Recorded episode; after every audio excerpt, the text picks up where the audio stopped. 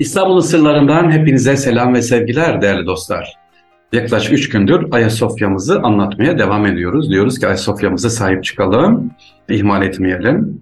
Sabah namaz olur, yatsı namaz olur, müsait oldukça ama özellikle sabah namazına erken gelirsek müsait tabii ki gezebiliriz inşallah. Bizim için uzun yıllar uğraşıldı, mücadele edildi. Çok şükür açıldı ama biz de giderek orayı boş bırakmayarak inşallah sahip çıkalım.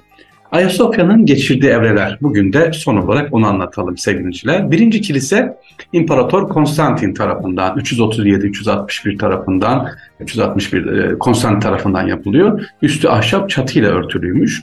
E, bazilika biçiminde. İstanbul Patriği İkonnaz, o dönemde tabii tartışma çıkıyor. 404 yılında halk ayaklamanın sonucu yakılıp yıkılmış Ayasofya. İkinci kilise ise 2. Theodos zamanında yapılmış.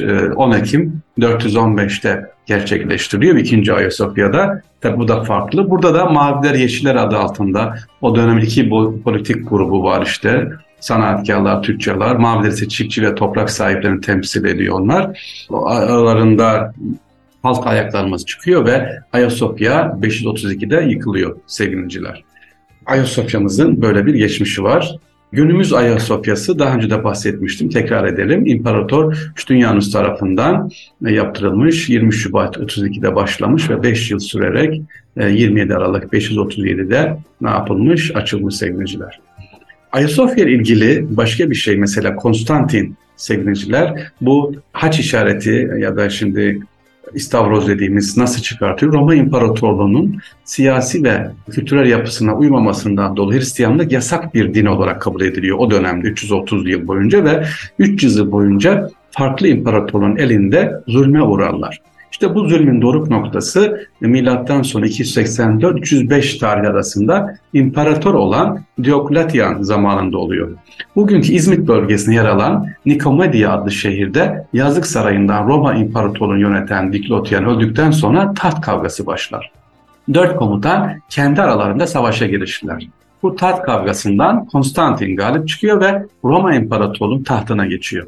Konstantin kendisini imparator yapacak olan son galibiyetin öncesinde bir rüyada göklerde XP işaretini görür. Evet X, P.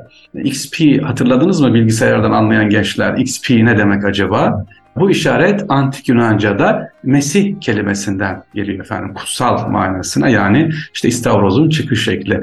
Bu onun Hristiyanlığa yakınlaşmasını sağlar ve askerlerin üzerlerine de kalkanların üzerine de haç işaretini koydurur. Aslında kendisi Konstantin Hristiyan değil.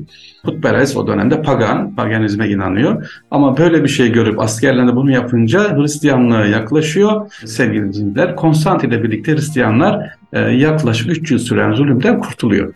Yani Ayasofya niye anlatıyorum bu bilgi size veriyorum. Bu ilk Ayasofya nasıl çıkmış, nasıl anlatılmış, nereden başlanmış? Milattan sonra 306 yılında askerleri tarafından Roma'nın iki büyük imparatorundan birisi olarak seçilir ve o dönemde Konstantin askerlerin dediğim gibi kalkanların üzerine bugünkü e, XP ya da haç işaretini kazıttırıyor, söylettiriyor. İstanbul'a 330 yılında sevgiliciler e, İstanbul'u, e, bugünkü İstanbul'un kurulmasına özellikle Konstantin ne yapıyor? Sağlıyor. Peki İstanbul dedik. Roma ile ne yapmış sevgiliciler? New Roma demiş, yeni Roma demiş. Ama Justinianus ne yapmış? Yeruşalim demiş. Yani yeni Kudüs bütün ilahi dinler için önemli ve kutsal bir şehir Kudüs. İstanbul'un da böyle önemli bir kutsal şehir olması için ne yapmış sevgiliciler? E, Justinianus da burayı böyle e, Kudüs gibi önemli bir mabet olarak zaten dedik ya Süleyman Tapınağı şeklinde yapılmış böyle dikdörtgen şeklinde diye. Justinianus da bu. E, Bizans, New Roma, e, Yeni Kudüs yani sonra da Konstantini olarak tabii biz hep ne yapmışız bilmişiz. Bizim için Konstantin Resulullah Aleyhisselatü Vesselam ne demiş? Konstantiniye demiş sevgiliciler. Şeyi anlatalım. Konstantin'in annesi Helena'nın Ayasofya ilişkisi var sevgiliciler. Konstantin annesi Helena, Hazreti İsa'ya ait kutsal eşyaları bularak Kudüs'ten İstanbul'a getiriyor. Bu kutsal emanetlerin bir tanesi Hristiyan dünyası için ilk şehit sayılan Aziz Stenaponos'un kemikleri. Aziz Stenaponos Hristiyan inandığı için Kudüs'ten kovulup taşlanarak öldürülen ilk inananlardandır. Bu sevinciler Bunların hepsi nerede? Şu anda e, Çemberli Taş'ta Çemberli Taş anıtı var. Onun altında bir oda var. E, bunlar tabii zaman zaman gündeme gelmişti. Ben de anlattım. Orada sergili, orada muhafaza ediliyor. Konstantin annesi tarafından. Şimdi şeye baktığımız zaman sevgiliciler e, palmiye ağaçlarını görürsünüz. Sonra aşağıda daha önce de söylemiştim. Kudüs İsa'nın 12 havarisi ve e, Kudüs'e girdiğinde palmiye ağacının ona secde ettiğine inanılıyor. Onun için bazı içeride girdiğimiz zaman palmiye ağaçlarının yapraklarını görürsünüz. Başka ağaç var mı? Neden palmiye? Çünkü Roma İmparatorluğu halkı kontrol altında tutmak için sosyal ve kamusal alanlarda halkın ihtiyaçlarına cevap veren uygulamalar yapmışlar. Ücretsiz olmakla birlikte hamamlar, işte gladyatörler var orada hani Sultanahmet Meydanı'nda savaşıyorlar. Onlar kazanınca onlara zaferin göstergesi olarak palmiye yaprakları hediye edilmiş. Bugün Ayasofya'da iç ve dışarıdaki bazı sütunlarda bu yaprakları e, görürsünüz sevgiliciler. Ayasofya anlatmaya devam ediyoruz. Ayasofya'nın neler var özellikle baktığımız zaman içine girdiğimiz zaman sevgiliciler tavsiye ederim. E, hünkâr mahfilimiz var. Eskiden hünkâr mahfili de namaz kılınıyordu. Ayasofya Müzeyken sonradan Allah rahmet etsin tabii e, merhum Erbakan'ı da analım. Onun sayesinde bir kısmı açıldı Ayasofya'da sevgiliciler ve Ayasofya'da şunu buldum araştırırken sen olarak El Gazal İstanbul henüz Sanet, e, Fatih Sultan Mehmet Han tarafı fethedilmeden önce El Gazal isimli Emevi Sultan'ın temsilcisi İstanbul'a gelerek bu şehre ayak basan ilk Müslüman seyyar ve aynı zamanda elçi. Avrupa'dan İrlanda'ya gelerek kral ile görüşmesi ve Avrupa'da gazel olarak anılması ilk Müslüman elçi olarak tanınıyor. İstanbul'a da gelmiş sevgiliciler El Gazal ve Ayasofya'yı ne yapmış? Gezmiş, izinle gezmiş. Onun anlattığı hatıralarında var. O da aynı El Gazal anlatıyor. Diyor ki Ayasofya'ya girdiğim zaman en çok ne gördüm? İçeriye baktım. Heykellerle dolu olduğunu gördüm diyor. Yani siz bugün görüyorsunuz Ayasofya ikona dediğimiz El Gazal. Sonra Harun İbni Yahya var sevgiliciler. 912 913 yılında İstanbul'a geliyor. O dönemde o da seyyar.